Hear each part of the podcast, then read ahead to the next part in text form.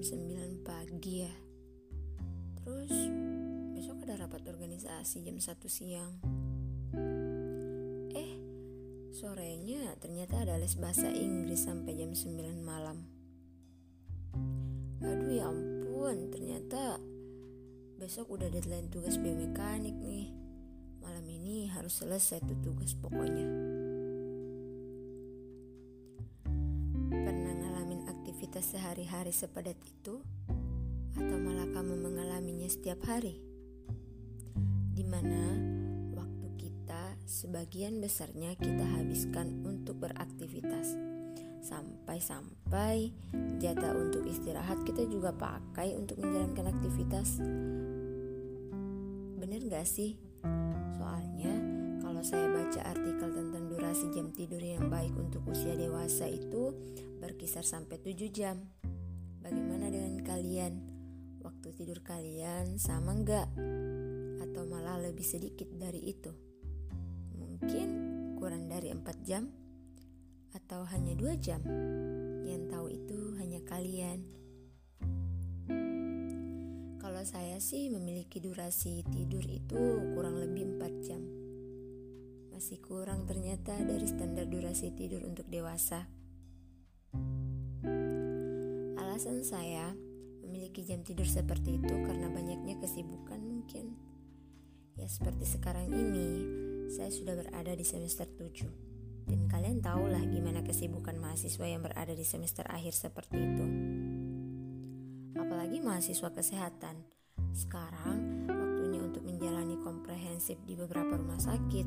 Habis itu pulangnya harus ngerjain laporan yang didapatkan di rumah sakit. Setelah itu masih harus belajar buat kasus yang didapatkan hari ini. Belum lagi aktivitas-aktivitas lain yang sering saya lakukan. Semua itu membuat saya hanya memiliki durasi jam tidur hanya 4 jam. Teman-teman yang lain mungkin memiliki durasi jam tidur yang lebih sedikit dari saya. Kesibukan masing-masing yang memang harus dikerjakan dan mengharuskan kita untuk menyelesaikannya saat itu juga. Saya jadi berpikir seperti ini Tidur bagi semua orang itu ternyata memiliki makna yang beda-beda ya. Sebagian orang bisa saja menganggap bahwa tidur itu adalah hal terbaik untuk istirahat. Sedangkan sebagiannya lagi menganggap bahwa tidur itu hanya untuk tempat bersinggah sejenak sebelum melanjutkan perjalanan. Ya karena kadang orang-orang yang membutuhkan tidur itu masih bisa bilang, tidurnya nanti aja deh dan tipe orang seperti itu salah satunya adalah saya. Saya harus memastikan semua pekerjaan hari ini benar-benar selesai baru saya bisa berpikir bahwa ini saatnya saya untuk tidur. Karena saya tidak mau kalau ada yang berantakan dengan semua pekerjaan yang sudah saya kerjakan. Saya harus melakukan semuanya dengan sangat sempurna. Saya tidak ingin ada yang namanya kesalahan dalam setiap yang saya kerjakan satu kesalahan kecil saja menurut saya bisa sangat berakibat fatal untuk yang lainnya. Namun ternyata terlalu memaksakan sesuatu juga tidak baik untuk diri kita sendiri. Selalu ingin menjadi yang terbaik juga tidak ter selalu baik. Karena kadang kita lupa bahwa kita hanyalah manusia dan kodrat kita sebagai manusia ya pasti melakukan kesalahan. Kita bukan Tuhan yang apa pun yang ia inginkan pasti dengan mudah didapatkan dan diwujudkan. Memang betul, kita dalam melakukan atau menginginkan sesuatu memerlukan proses. Dan dalam proses itu kita kadang jatuh lalu bangkit kembali, jatuh lagi lalu berjalan sering kali ketika kita terjatuh karena kita melakukan kesalahan. Akan tetapi, Kesalahan itu bukan sebuah hal yang harus kita benci, melainkan kesalahan-kesalahan itu harus dijadikan pelajaran dan semangat buat kita bangkit lagi. Kita perlu maaf untuk diri sendiri yang sudah berbuat salah.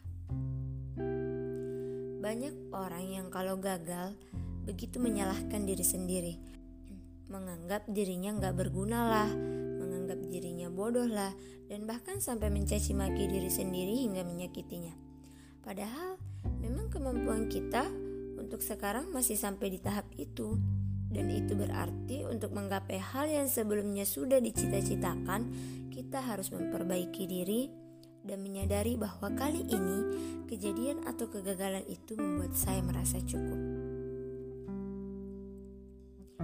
Oke lah kalau ada anggapan bahwa saya harus melakukan itu karena itu mimpi saya. Saya melakukan semua itu karena saya ingin menjadi yang paling baik di antara yang baik. Saya mengerti untuk hal itu karena saya juga memiliki pikiran yang sama. Tapi yang saya agak keberatan di sini, jika seandainya kita ternyata mengalami hambatan dalam proses kita meraih mimpi, dan karena itu kita sampai menyalahkan diri sendiri, itu yang salah menurut saya. tahu diri kita ya kita sendiri, bukan orang lain. So, we have to treat ourselves so well. Dan dengan merasa cukup adalah salah satu hal yang bisa membuat kita tidak kembali menyalahkan diri sendiri meski telah melakukan kesalahan. Jadikan kesalahan itu sebagai pelajaran bahwa untuk melangkah ke depan saya tidak boleh melalui jalan yang sama karena saya tidak ingin jatuh pada lubang yang sama dan bahwa kesalahan selalu mendapati kesalahan-kesalahan dan hal itu adalah wajar untuk dijadikan pelajaran.